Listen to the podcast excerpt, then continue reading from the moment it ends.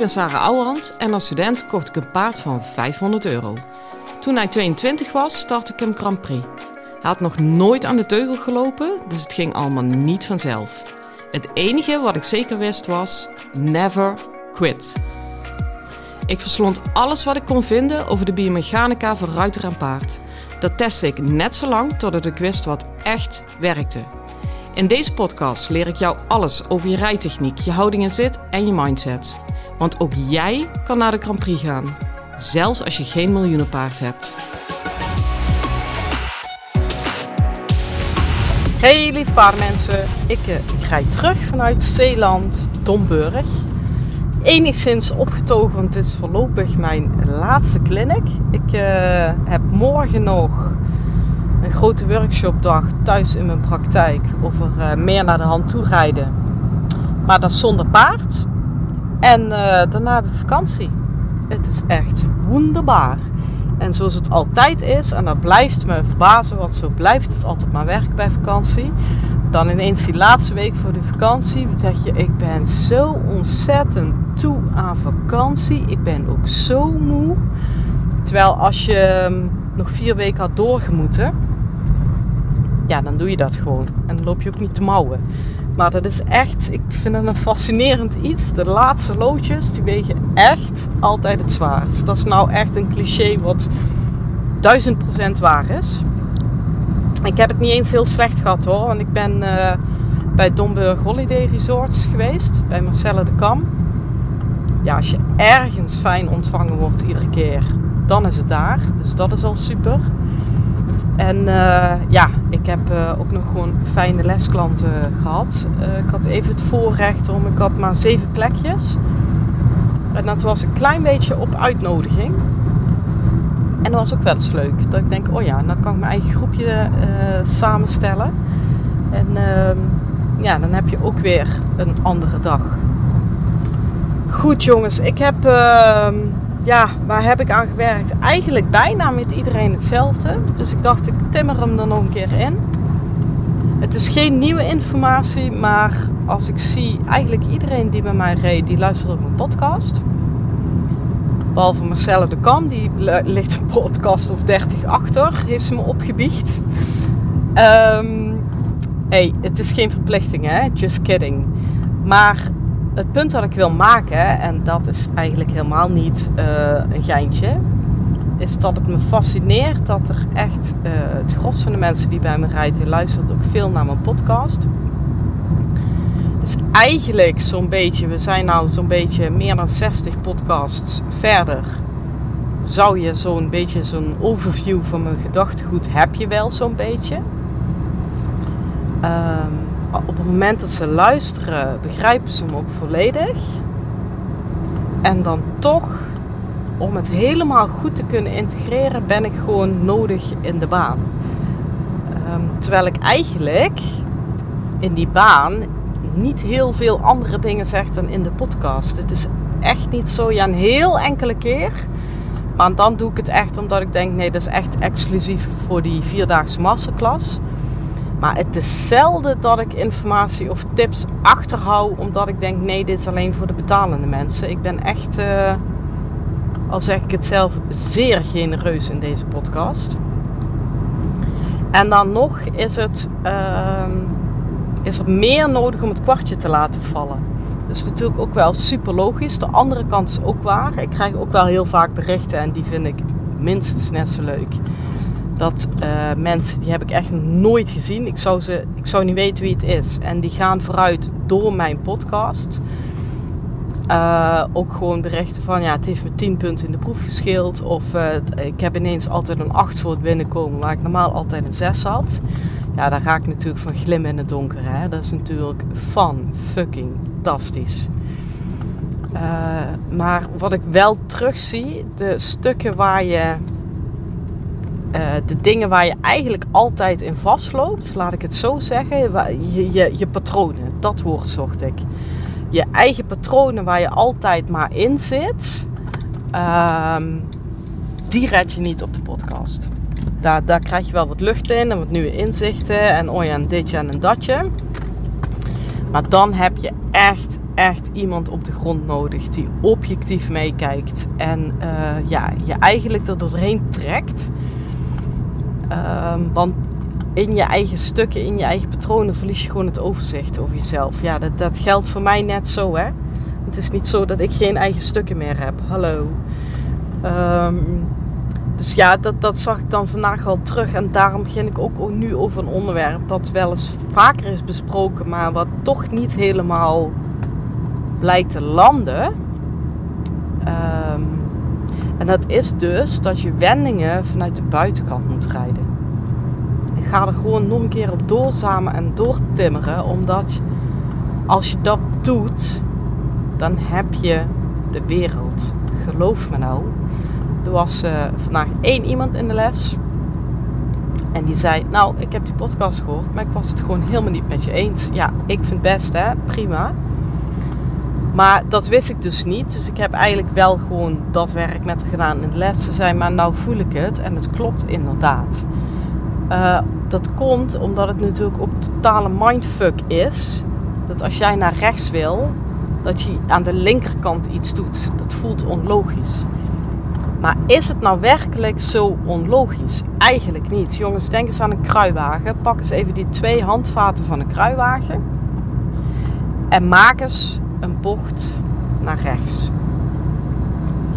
Trek jij dan aan het binnenste handvat? Ja, misschien wel, maar dat doe je maar één keer, want dan valt de kruiwagen om. Dat red je niet. Je trekt hem gewoon uit balans. Of duw jij aan het buitenste handvat. En pak je daardoor gaat de binnenkant automatisch mee. Snap je?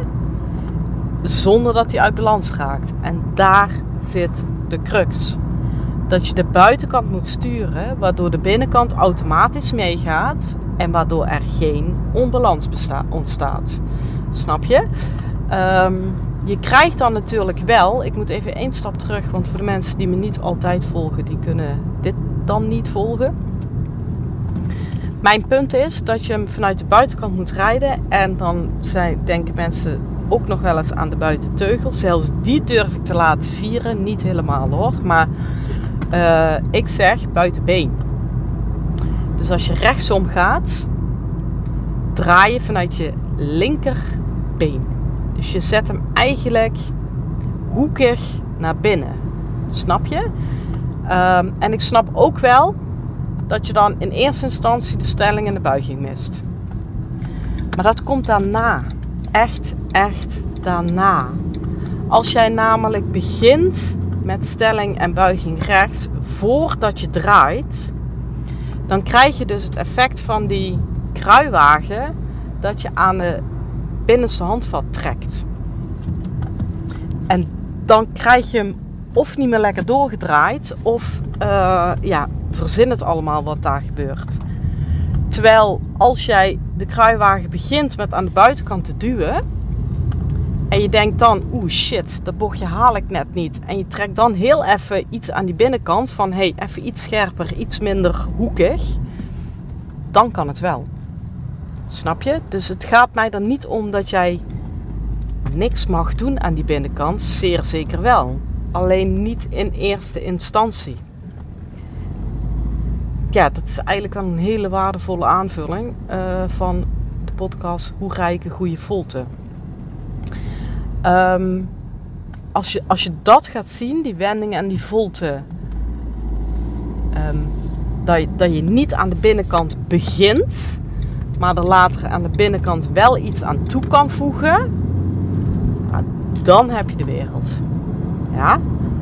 Um, hangt samen met de vraag die kreeg ik van jullie iemand van hey hoe zit het nou op een goede volte in de zitbeenknobbels. Uh, een beetje discutabel puntje. Want uiteraard vind ik weer net even iets anders dan de mainstream. Kijk, de mainstream zegt iets minder contact op je binnenzitbeenknobbel dan op je buitenzitbeenknobbel. Of neem wat druk aan op je binnenzitbeenknobbel, weet ik veel hoe, ze het allemaal zeggen. Is misschien geen onwaarheid, maar ik vind hem gruwelijk gevaarlijk. Om twee redenen. wat druk aannemen of contact aannemen op je zitbeenknobbel. 9,5 van de 10 ruiters doet dan te veel. Die gaat zitten duwen. Terwijl het maar een heel ehm, subtiel gewichtsverschil is. Of gaat zitten hangen naar één kant. Het is, het is niet eens een gewichtsverschil. Zelfs dat woord is al niet goed. Het is een contactverschil. Nou, voordat je die subtiliteit hebt om, om dat aan te brengen in je lichaam, uh, denk ik, begin er alvast niet mee.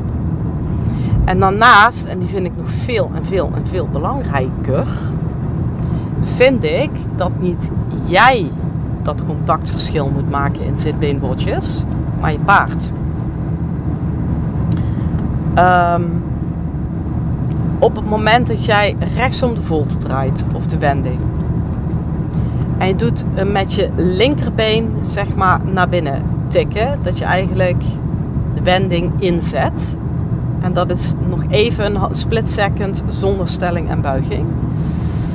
Um, als die dan zo een beetje hoekig naar binnen komt, dat is het moment dat hij jouw binnenzitbeenbotje wat meer opvult van onderop. En daar zit het verschil. Ik ga niet actief met mijn zitbeenbotjes van bovenaf zitten drukken, waardoor ik de rechtweg druk. Ik laat van onderop in die rugverdeling, in die bolling, uh, mijn zitbeenbotjes wat meer opvullen. Waardoor ik inderdaad uiteindelijk uitkom op dat ik een accentverschil heb tussen links en rechts. Maar dat accentverschil neem ik niet aan, dat neemt mijn paard aan. Snap je? En daarom wil ik daar uitblijven van, ja, wat doe je in je zitbeenpotjes? Nou, jij zorgt dat je links en rechts volledig geleveld bent in gewicht en je paard doet de rest. Dat is even heel zwart-wit zoals ik het zie. Um, je kunt wel dat binnenzitbeenbotje, jongens, ik merk wel, dit is allemaal wel high-tech hoor. Dus als je het niet meer kan volgen, dan uh, neem gerust zelf even vakantie. Maar je kunt wel dat binnenzitbeenbotje gebruiken om te monitoren uh, of je paard nog in de goede positie is. Kijk, ik zeg vanuit mijn buitenbeen draai ik hem in. En op het moment dat ik voel dat hij eigenlijk door mijn binnenzitbeenbotje heen valt. Dat is dus al eerder dan door je binnenbeen. Kijk, als, als hij door je binnenbeen heen valt, ben je sowieso te laat. Maar daar zit iets voor. Hij valt eerst door je binnenzitbeenbotje heen. En die moet je dan met je binnenonderbeen even terugtikken. En dan heb je voldoende stelling en buiging. Ik weet het, ideale wereld. Allemaal ervan uitgegaan dat je paard 100% aan hulp bestaat. Maar we moeten ergens beginnen. Dus, dus begin ik in het ideale verhaal. Snap je? Um, ja, dat, dat is het eigenlijk. Wat je in je zit doet. Dus dat is niet al te veel. Hè? Ik tik hem dus met mijn buitenbeen onder mijn binnenzitbeenbotje. En op het moment dat hij dreigt daar doorheen te vallen, tik ik hem met mijn binnenonderbeen net even terug. Dat hij hem wel nog opvult, maar niet er doorheen valt. En dan rij je een wending naar rechts. Jongens, kunnen jullie mij nog volgen? Want ik voel het op dit moment in mijn lichaam en ik probeer het zo gedetailleerd en zo precies mogelijk te beschrijven. Um, ja, ik, ben eigenlijk wel benieuwd. Gooi dit dus in de show notes. Als je denkt, ja, Saan, dan raak je echt even helemaal kwijt. Dan moet je er jezelf dat niet te veel aantrekken, want dit is echt wel de next level. Als je zegt, ik kan je volgen, ja, dan heb je hier echt, echt een, een verdiepende podcast aan. En kan je hier lekker eindeloos mee gaan puzzelen. En als ik hem dan toch doortrek, als je het dan toch hebt over verdieping, dit is dan exact dezelfde manier van een volte rechtsom draaien dan een pirouette rechtsom. Want ik mag hopen dat je een pirouette naar rechts, en ook al heb je hem nog nooit gereden, haal hem even voor de geest. Dat je snapt dat je die vanuit je buitenbeen rijdt. Want je draait hem vanuit je buitenbeen. En dat je eigenlijk continu voelt, dat dat is ook de snelheid die je moet hebben in een pirouette dat zodra die ertoe neigt om naar binnen te vallen, en dat is dus zoals ik het zeg, door je binnen heen te vallen, dan word je binnenbeen. Zegt even jongen, tik even eraan, even erbij blijven. Snap je? Dan moet hij dus, wat ze dan zeggen, vlug blijven met het binnenachterbeen. Maar dat is ook dit. Dus als je dan een pirouette uitsmeert, gewoon groter maakt, dan heb je toch gewoon een volte of ben ik nou gek? Dus waarom rij je een, een volte ineens zo heel anders dan een pirouette? Ja, ik zal het simpel zijn, maar daardoor ben ik daarop uitgekomen dat ik dacht, ja, hoezo? Hoezo dit? Weet je? Hetzelfde verhaal voor de keertwending. Het is gewoon een kleine volte. Iets genuanceerder, maar je snapt wat ik bedoel. Yes. Dus was het kwartje vorige keer niet gevallen, misschien nu. Misschien ben ik je nu helemaal kwijt. Um, ga in ieder geval een keer mee knutselen en kijk waar het je brengt. En dan wens ik je voor nu een hele fijne dag en veel plezier met je paard. Hoi! Lieve ruiters, dit was hem weer voor vandaag. Waardeer je mijn tips? Geef me sterren op Spotify en iTunes. Dat voelt voor mij als een dankjewel. En geef je paard een knuffel van me.